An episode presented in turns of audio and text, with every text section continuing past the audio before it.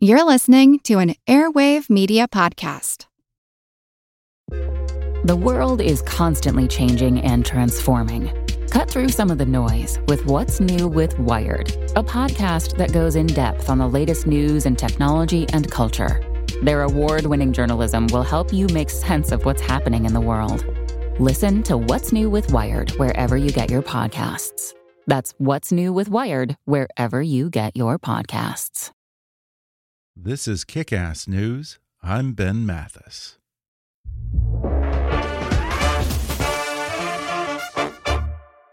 The American body is in trouble. Unprecedented numbers of us suffer from obesity, heart disease, diabetes, and other debilitating illnesses. The root cause is a once revolutionary idea that seemed to offer so much promise, but instead has become the cause of a global health crisis processed foods. Over the past 75 years, a number of factors aligned to create a reality in which processed carbohydrates became our main food source. In a new book titled Fast Carbs, Slow Carbs, best selling author and former FDA Commissioner David A. Kessler explains how the quest to feed a nation resulted in a population that is increasingly suffering from obesity and chronic disease, and he offers a solution for changing course. And today, Dr. Kessler joins me on the podcast to reveal how his own battle to control his weight helped inspire his new book, the difference between how our bodies digest fast carbs versus slow carbs, and why fad diets that cut out carbs altogether might not be such a good idea either.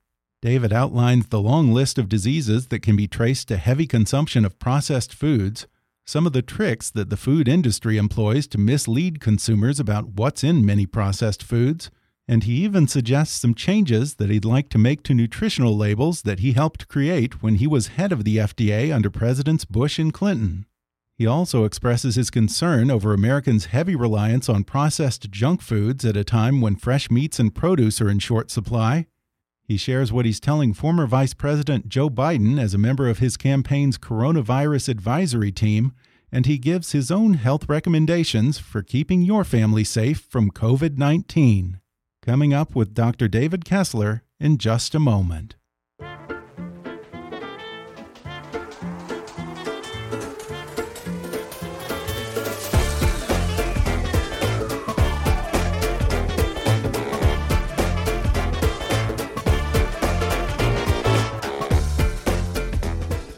David Kessler served as Commissioner of the U.S. Food and Drug Administration under Presidents George H.W. Bush and Bill Clinton, where he helped design the nutritional facts label and took on big tobacco. He is a pediatrician and has been the dean of the medical schools at Yale and the University of California, San Francisco. Now he's continuing his crusade to get America to eat better with a new book titled Fast Carbs, Slow Carbs the simple truth about food, weight, and disease. Dr. Kessler, welcome to the podcast. It's great to be with you. Well, you say in this book that you were at least partly inspired to write it by your own struggles with weight. Tell us a little about that. I have suits in every size. Me probably, too. over my lifetime, I have gained and lost my body weight, you know, several times over. Mm -hmm. uh, and I've never uh, understood what is at the core. Why is it so hard? I can lose weight, then I gained it back, and just this this cycle of you know weight loss, uh, gaining it back. Um, that was the fundamental question that I was trying to understand. Is there such a thing as healthy at any size? Can someone actually be just genetically predisposed to be overweight but still be healthy? I wish I could reassure people. I wish I could reassure myself that there's such a thing as healthy weight. Um, but the fact is, as we age, excess weight becomes a problem. There was one number that stood out to me that really shaped my thinking. Only 12.2% of us are metabolically healthy. That's wow. true for weight, blood pressure, blood lipids, blood pressure. So there is a re, there are real consequences. And while you may be healthy uh, uh, and uh, struggle with weight today, as you get older, those metabolic consequences they drive our bodies into metabolic chaos. And they have real consequences when it comes to diabetes and cardiovascular disease. I mean, think about it 87% of us don't meet the basic medical guidelines for metabolic health. That's shocking. And now, what if you eat really healthily, but you just hate to work out? And I'm I'm one of those people. Although I don't know that I eat quite so healthily as I should. Uh, does healthy eating necessarily negate the need for regular exercise? No. I mean, um, I wish that were the case. I mean, certainly, um, if you are a healthy weight uh, and you are eating healthy, I mean, that's all to the good. But for the most of us who struggle with our weight, right, I mean, who are trying to keep any weight off that we've lost or trying to lose weight or have any of these metabolic uh, issues, uh, uh exercise I mean, think of it this way exercise maintains our metabolic flexibility. They allow us to remain insulin sensitive, to keep our insulin working. They're a sink, they're a drain, right? Which by which when we do overeat, you know, those excess calories uh, can uh, uh, go down. So exercise is key. It's one of the key, you know three basic recommendations uh, that I give. If exercise, uh, moderate intensity daily, uh, is a key to good health. Now, in this book, you particularly take on something called fast carbs, but I wonder what you think about all of these low carb diets like paleo and keto these days. Is it a good idea to just cut out carbs altogether? The question is which carbs are we talking about? Mm -hmm. And that is that are that really is the key. So by fast carbs, right? I mean sugar and starch. And over the past half centuries, you know, we Americans have greatly increased their average intake of fast uh, carbs, mm-hmm. right? It's just, it, we all know the problems with sugar, but it's sugar and starch. Understand um, what goes on. You, you, you, know, the you go to Mount Vernon, uh, you look at George Washington's home and you look in the main room, you see, look at the ceiling, uh, and you see uh, carved uh, in that ceiling are these sheaves of wheat. And you have, uh, you know, the, the wheat stalk. I mean, the, the fundamental crop. Right? Um, we became Washington wanted to be the us to become the granary to the world when he wrote to Lafayette. And you have right. that that wheat stalk, and you go up that wheat stalk, and there's that uh, wheat berry, that kernel, right? And there are multiple layers around that wheat berry. And within that wheat berry, there's the endosperm, the energy, the gold in essence, that has sustained societies for thousands of years. But what happened? What we have done, if you walk down the supermarket, not just milling uh, that wheat, uh, but the kind of processing uh, that our food, many of our foods are packaged foods. When you walk down that supermarket island, that that um, that wheat, that, that starch, uh, has had that intact structure of that natural grain pummeled out of them. And huh. that altered structure, that processed food, makes uh, that starch so rapidly absorbed that we're flooding our bodies with, with glucose. And no one asked what the consequences were of just adding this endless flood of this not only sugar but starch. It's rapidly absorbable glucose. It gets very uh, quickly absorbed in our, our upper GI tract and mm-hmm. can lead to the consequences that we're seeing. So then what is the difference between a fast carb and a slow carb? Give us an example of a slow carb so I have something to compare it to. So a slow carb is a vegetable okay. a legume. It's a high fiber food. It's an intact whole grain. Yes, it may have the outer uh, layers of bra- uh, taken uh, out of it, but it doesn't have the entire structure mm-hmm. of that wheat kernel pummeled out. It's foods that have their structure intact. Okay. Those are slow carbs. Fast okay. carbs get rapidly absorbed uh, in our GI tract. So, you know, when we're eating these fast carbs, I mean, it's almost as if the food is pre-digested. It increases. Ooh. There's no structure to that food. It increases our eating rate. It gets absorbed very quickly. It stimulates certain hormones that increase insulin. It doesn't stimulate other hormones that give satiety and fullness. It, it doesn't get all the way down in the GI tract, so it doesn't interact with the microbiome. So we're absorbing 100% of the calories. There are multiple mechanisms by which these fast carbs cause harm. And for the vast majority of, the, of us, who struggle with weight, adding these fast carbs, and it's like adding fuel to the fire. Uh, although humans have been processing foods in one form or another for centuries, what's the difference between how foods were processed back then versus how foods are processed today? So, two um, uh, uh, differences.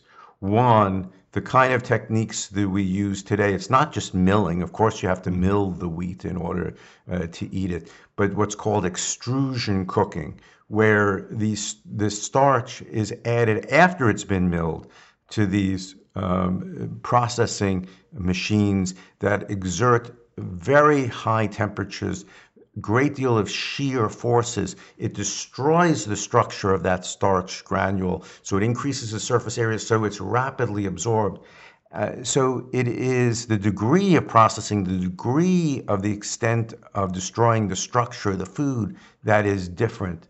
Uh, and also the fact is, you know, 100 years ago, we were not in the positive energy balance that we're in today. You know, mm-hmm. we were lucky to get enough food and when in that uh, circumstance, you know, I don't think uh, you know th- this rapidly absorbable glucose created as much a problem as it does when you're already in a positive energy balance, where you have where this metabolic chaos that's going on. So very different environments, very different processing.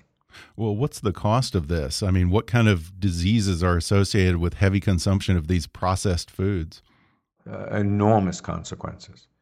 Uh, the a third uh, of us uh, by uh, 2030 are going to be diabetic, and you know today maybe 90 million of us are pre-diabetic, mm. um, and that diabetes leads to heart, kidney, multiple manifestations uh, even in the current uh, environment, when we talk about underlying con- uh, conditions and who uh, is susceptible, right. diabetes is one of those uh, conditions because it does weaken the immune system. Well, I've been hearing that, and I was wondering what it was about diabetes in particular that made people so susceptible to coronavirus. Just in general, their immune system takes a hit. Exactly. I mean, it's it's uh, the decrease in the power of the immune system. And diabetes is associated with much more, uh, many more inflammatory processes. Mm-hmm. So uh, there really is a lot of damage uh, that can emanate. And it, it, it, you know, it's very interesting.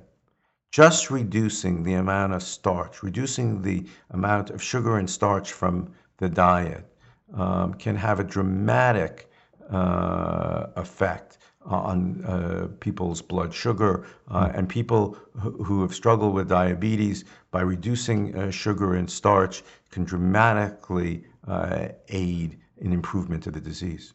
In addition to being a factor with all of these different diseases, you even say in here that processed foods actually prevent you from feeling satisfied. And it becomes sort of, I guess, a vicious cycle where the more you eat, the more you want. Kind of the old Pringles slogan you can't eat just one. Uh, how does that work? How does eating these foods continue to make us hungrier?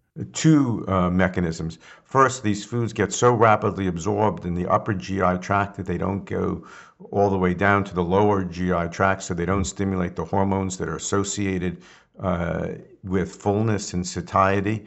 Uh, and they also, uh, because they are so uh, hyperpalatable, that they trigger the reward centers of the brain. So you don't get the satiety or fullness, uh, you get um, the, the feeling, the hit, a momentary uh, activation of the reward circuit. So both mechanisms are, are at play. If you really wanted to understand the power of foods, um, I mean, just certainly in these times of stress, uh, people are lonely, people are shut in, uh, a lot of anxiety, a lot of fear. Um, you know, these uh, starch is really the delivery vehicle it gets for fat, sugar, and salt that gets added. Remember when we were, you know, in kindergarten, you add water to starch and it's this paste that doesn't have a lot of taste. Add fat and sugar and salt to it. Uh, and you can activate the reward uh, centers of the brain. Then you, you have this momentary bliss, right? You zone out, uh, you engage in that repetitive behavior. Then five minutes later, you go, Why did I do that? So that's reward uh, centers of the brain taking over. But you also have, because these are so highly processed, they're not getting uh, down the entire GI tract. Can you walk us through the grocery store? Because I feel like a lot of times we're not aware of what processed foods are. Something may sound healthy, but then it's not. And we kind of know that potato chips and cookies and that kind of thing, those are processed foods. Those have fast carbs. But I have a feeling that there are a lot of things out there on our shelves that we're not even aware of unless we look at the label. And even that can be deceiving. 60% uh, of our, uh, you know, uh, certainly um, of our processed foods um, have starch as their main uh, ingredient. So if you see wheat or flour uh, as the first or second ingredient, and that's the majority of food, you could be assured, and it's in a package, uh, that's a processed uh, food. Really? And that's a fast carb, yes. And those are going to get rapidly uh, absorbed. That glucose, in essence, it's no uh, different uh, than sugar. Let me give you a, a, a food label, for example. You know that nutrition facts panel Exactly. uh, on all foods? Right. So let me give you a, an example. Now, remember, back about 20, 30 years ago when we did the food label, what were the dietary guidelines? Right? It was to limit um, sugars, to limit total fat, limit uh, saturated fat, right? But to incre- increase what they call complex carbohydrates. So let me give you this uh, this label. Here's a food. You'll tell me what. Uh, see if you can guess what the food is. It has 300 calories. Total fat zero. Saturated fat zero. Sugar zero. Has some salt, has some protein, but it simply says 30 grams total carbohydrates. What do you think that is? Uh, if I was to guess, um, maybe a kind bar, one of these energy bars. It, it's a bagel. Oh, okay. So, but and so what is that bagel, right? I mean, uh, that is starch. Yeah. Now, is there any sugar in it? No. Is there any fat in it? No. So it sort of met the guidelines, right? Uh huh. But that bagel, and I don't want to be, you know, uh, have your listeners come and accuse me of taking on the bagel, right? Because I will tell you, I, I, I have I have bagels in my freezer right now. Um, but the fact is that bagel, that starch, can increase um, the amount of uh, one's blood glucose, the equivalent of some 20 teaspoons of pure sugar. So even though there's no sugar in it, that flour gets so rapidly absorbed right, that it acts uh, so that it, in, it can increase blood glucose the same as pure sugar. And you bring up an interesting subject here. Uh, in the 1970s, the McGovern Committee drew up a set of dietary guidelines for Americans. Of course, back then, we probably thought that a bowl of frosted flakes was a healthy breakfast. But have those guidelines evolved much since then? And what do you think they got wrong? Well, I think uh, what we got wrong is that there are uh, good carbohydrates and carbohydrates that are not uh, good for us, right? There are those carbohydrates that are fastly absorbed, rapidly absorbed, the, the processed carbohydrates, and there are carbohydrates such as vegetables uh, and legumes and high fiber foods um, that are slowly absorbed that are good for us. So we didn't make that distinction. And there's the rub. And when you were the head of the FDA, you were instrumental in creating the nutritional facts labels that we all see on packaged consumer food items. Are there things that you maybe didn't realize 20 years ago that you now wish had been included on those labels? We used the term complex carbohydrates back then. Right. I don't think that term should be used today because just because something is not sugar, just because it's complex, The, the real issue, uh, there, there are uh, complex carbohydrates that are rapidly absorbed, that are fast carbs, and there are those that are not rapidly absorbed. So we didn't mm. understand that distinction. And that's, uh, you know, again, based the science really has evolved uh, since we did the label in the early 1990s. Do you think that nutritional labels put too much focus on calories? I think calories are important. I don't think there's any way you can get around okay. the fact um, that uh, calories aren't important, uh, but it's also the quality of the food uh, that we're eating. You know, I you know there's this mantra that a calorie is a calorie. I mean, if that were the case, then broccoli, you know, would be the same calorie. You know, a vegetable would be the same as a calorie uh, from a soda, and that mm-hmm. just is not the case. We're going to take a quick break, and then I'll be back with more when we come back in just a minute.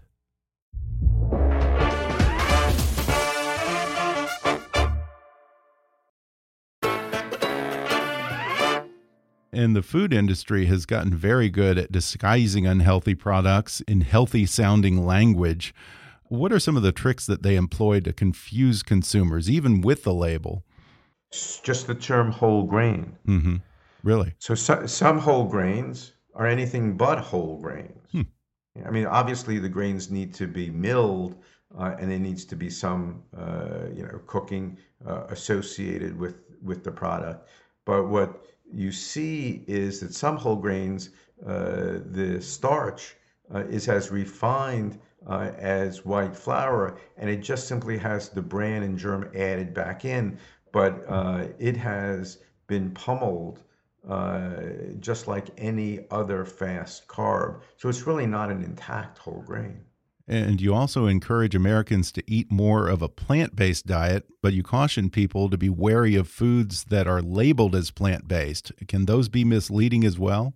Well, certain, it depends what kind of, uh, you know, uh, what, when we're talking about um, what kind of plant uh, based diet it is. There are mm -hmm. unhealthy plant uh, based diets and there are healthy plant based diets. Understand the, the, the reason why I think vegetables and legumes are so good for us is because the, the vast majority of them don't have, they're not high in starch and they have the structure intact. They have the fiber mm-hmm. that is uh, in, in its natural state. So the food gets down uh, throughout the entire length of our uh, GI tract, which I think can make a major difference in our health. Mm-hmm. Now, the, the, the, book, you know, the, the fast carbs, slow carbs, well, we've been talking about reducing or limiting uh, the ingestion of fast carbs.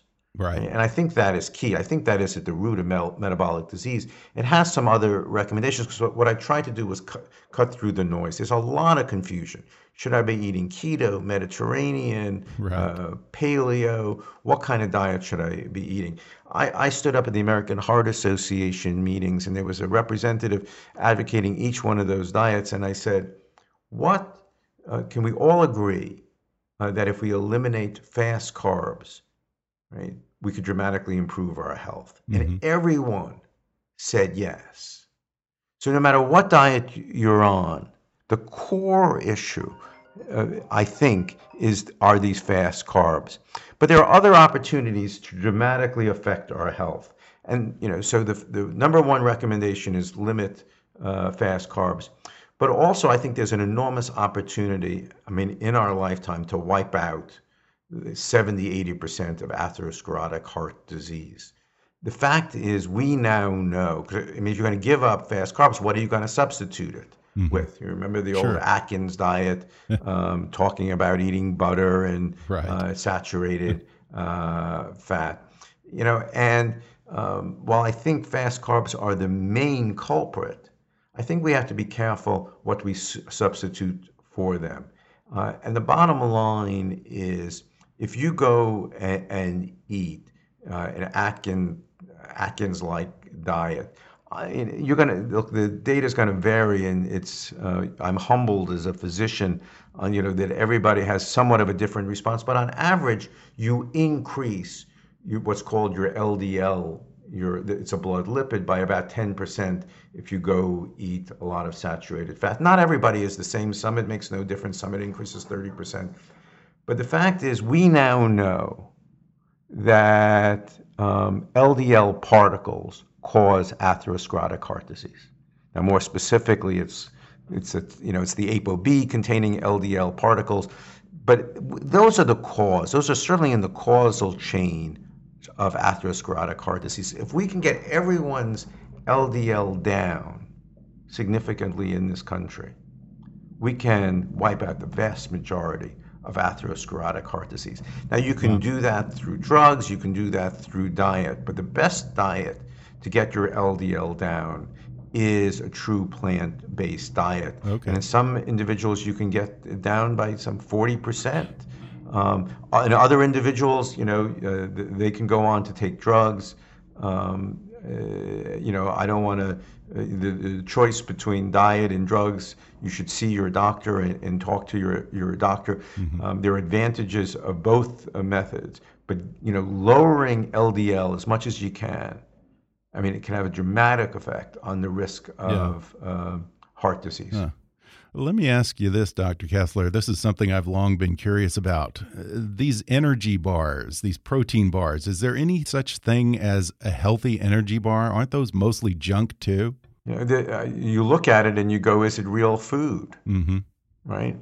Now, obviously, uh, if they're nuts and, and, and um, uh, fresh fruit, I mean, that is uh, better than those that are, are just processed uh, carbohydrates. -huh. Um, the, the key is to look for the structure of food.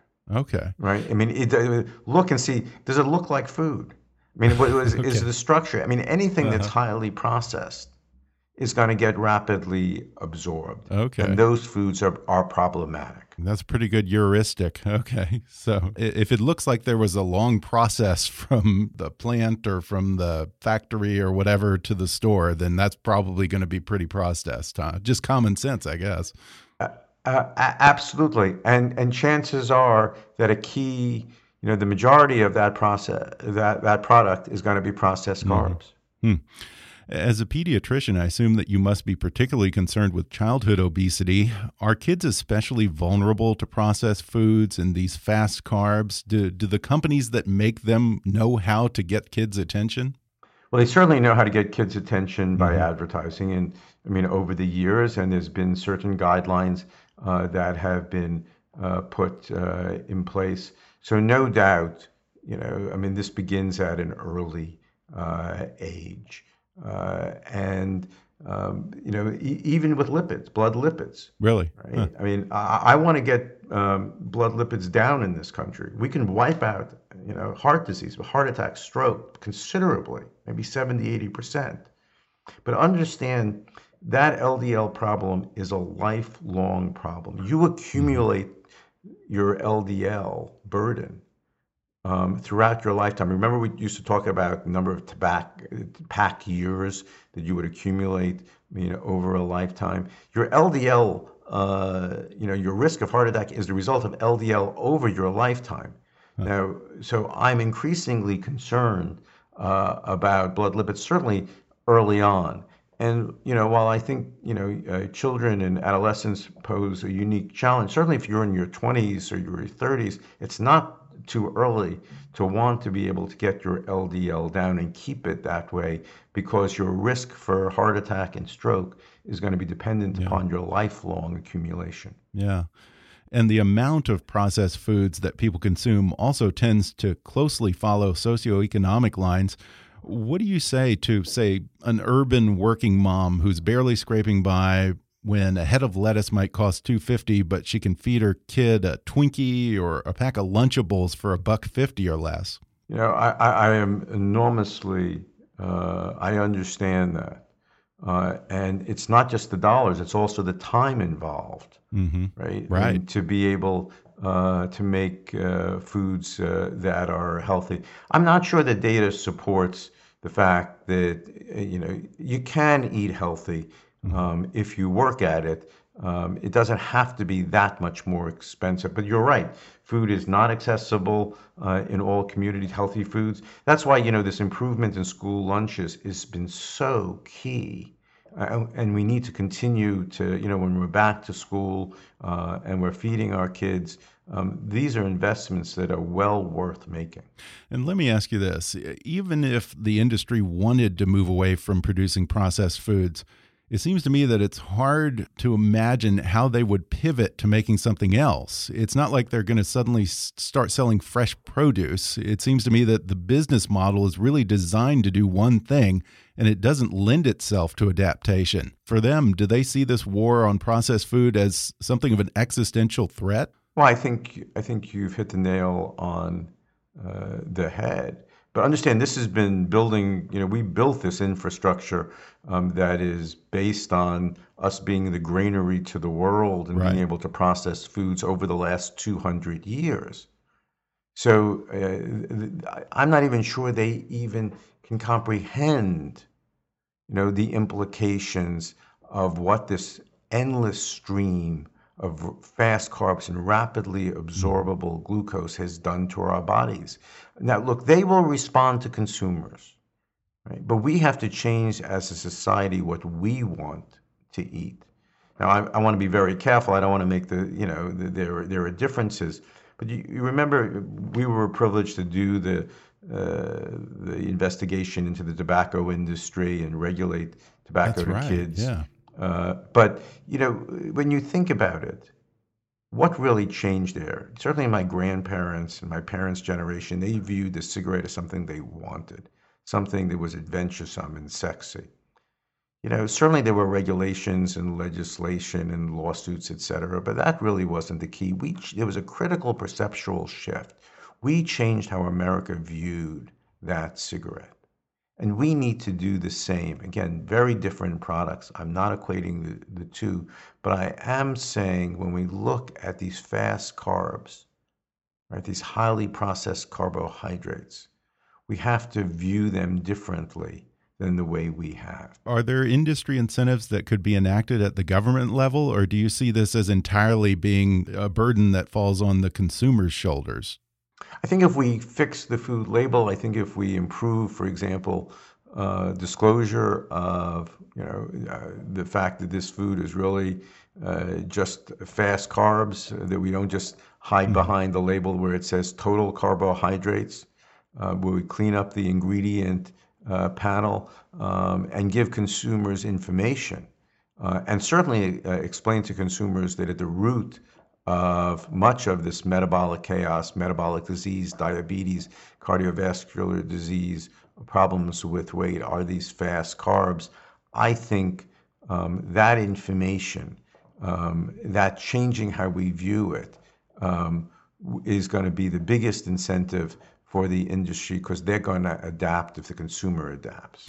Well, looking at the moment that we're in right now with the coronavirus and much of America hoarding food, supply chains being disrupted, and the potential for this to impact farms, it seems to me that it's much easier to get and store junk food like Oreos and potato chips than it is to even find fresh produce, much less be able to keep it uh, and store it.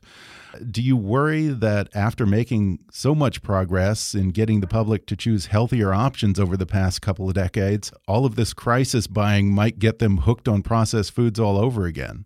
I don't want to. You, you raise just a terrific point. Uh, I don't want to in any way minimize, and I think we, we have to be very sensitive the amount of stress and anxiety and mm-hmm. real fear there is out there.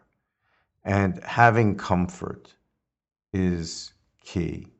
But when we're through this, and we are going to get through this, we're going to want to be healthy. And okay. the best way, you know, while processed foods can give you that momentary hit, you know, when we're through this, right? I mean, eliminating fast carbs from our diet, I mean, can have a, a major, major impact. But I don't want to say anything that takes away any comfort from anybody mm -hmm. at this moment in time. Interesting. Huh. Well, as we wind up here, I'd love to get your two cents on what's going on with the coronavirus. I hear some people debate over what the real danger is, uh, whether it's you know airborne particles or whether it's touching and then touching the face. You know, if you have to choose, what's the biggest help? A mask or gloves, or what kind of advice are you giving to people? So, if we had enough masks, so we didn't have to take them away from our healthcare workers. Sure. Right? I mean, so right now we have to prioritize. Sure. And or homemade masks, let's say. Right. Mm -hmm. I mean, uh, regrettably, we don't have enough masks, mm -hmm. right? And they have to go to our healthcare workers. But if you're if you're an essential worker and you're engaging in any degree of density, and we don't have enough testing to know who are the who is shedding the virus because you can be asymptomatic and shedding it. Mm-hmm. I think masks are an important piece of the armamentarium, but I think it's not just masks. I mean, it's it's good uh, hand washing, it's social distancing. We do all three, um, and we will be able to get over this sooner. Good. Um, th- th- there's no doubt that uh, just talking uh, can, uh, within you know six uh, feet or so, uh, it's not just sneezing or coughing, but oh, talking really? can sp- uh, spread uh, these particles. The, the, the, question you're asking me is, do these particles stay in the air? You know, once right. um, I I talk or I sneeze or I emanate the, these particles emanate from my mouth, do they go straight to the ground or they stay in the air uh, for hours or days. There's some disagreement on that. Mm-hmm. It does not look like they are highly aerosolized. Um, so right now, um, it's if you're going to come in contact with the particles from my talking, my sneezing, my coughing, we're going to shake hands. I'm going to have uh, those viruses on my hands, or that those viral particles uh, land on the ground or on the surface uh, and they can stay alive for several hours. So I think we have a hmm. pretty good idea on how they are uh, transmitted. I don't think they're highly aerosolized, but I think masks, I mean, if you have it and you have to work, um, I think there's no doubt. Uh, certainly, as we go back to work, and if we have to be in close quarters, um, that that is a tool. Yeah. Well, as the father of a newborn, I'd also like to get your advice as a pediatrician. I keep hearing that seniors are far more at risk at children, and the risk to kids seems to be sort of downplayed in the media. Is that true? Can we take some comfort that babies and kids are somehow more resilient against COVID 19? So um, I think. I think that generally is the way uh, what's coming across uh, in the media. There was this weekend. There was some newer data on um, you know, what the effect of uh, this virus was on uh, on pregnancy and could it be transmitted. We're learning a lot more. Um, you know, some of the studies on pregnancy, for example, were done in the third trimester. It wasn't done early on. We're seeing some antibodies in um, that can be that, that uh, can occur um, in the in the fetus. So the, you know, recognize the fact we don't have the whole story. Mm-hmm. I think that if you're pregnant, or I mean, in any case when you have a newborn, um, I think that certainly um, socially distancing uh, the family from others uh, yeah. uh, and very good hand washing uh, is in order. Uh, I'm not sure where you're actually based here, but how would you grade how this crisis has been handled in your state and at the federal level so far? You know, I think there's there'll be plenty of um, time to focus on that. Yeah. uh, once we get through this. Yeah. You know, my my job, uh, you know, is to um, to look forward. You know, one uh, point of disclosure, just so uh, I put it out there. You know, a few of us are uh, on a near daily basis advising um, uh, former Vice President Joe Biden. Really? I'm doing that. Uh, I want to just disclose uh, that. Okay. Uh, but this is not a polit- this is not a political issue. Okay. Um, this is a public health issue, um, and we we need to get through it, and then we can mm-hmm. learn the lessons right. of uh, how to do it better. Hopefully, uh, there's no next time. but uh, you know, I think we're going to realize that without a vaccine, without an antiviral that can prevent us from getting this, right? Until we have that vaccine, um, we're going to need to change how we work and socially hmm. uh, interact, um, uh, even when we're on the descent of the epidemiology curves. Mm. Well, I'm curious then, when you're advising Joe Biden and his team, what kind of advice are you giving him in this crisis? You know, we're uh, spending most of the time on the data. Okay. Uh, I mean, it is very data driven. Mm -hmm. uh, we are going over the models um, uh, of um, where we are today, state by state, city by city. Um, uh, when is this going to peak? How many mm-hmm. ventilators? Mm -hmm. How many beds? What are we going to run out of? Um, it is a data driven public health uh, mm -hmm. briefing. Is there anything in that data that you found particularly surprising recently? You know, I think that um, the fact is that um, you know we are focused on primarily this. You know, uh, first Washington State, and now no doubt New York and the Northeast mm-hmm. is the epicenter.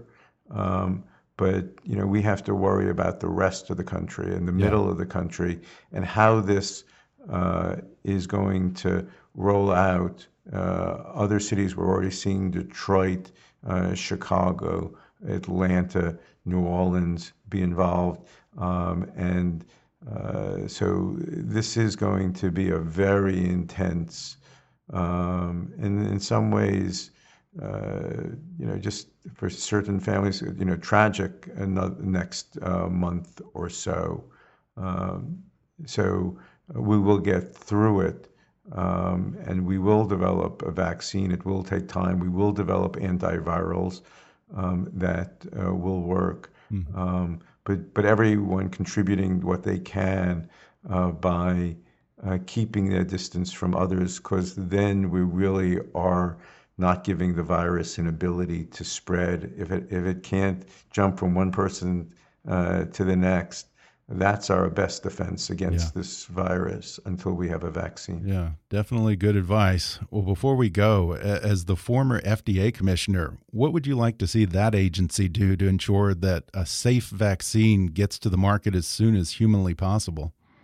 You know, I think it's going to take a great deal of cooperation, um, getting companies to share information, uh, mm. be able to uh, begin manufacturing different candidate viruses even before we have all the data. So if one, the data uh, shows that uh, it is um, effective, that we can quickly make it uh, available. Enormous amount uh, of work on the FDA's plate. Yeah, well, let's certainly hope so. Well, once more, Dr. David Kessler's new book is called Fast Carbs, Slow Carbs The Simple Truth About Food, Weight, and Disease. Dr. Kessler, thanks so much for talking with me. My pleasure.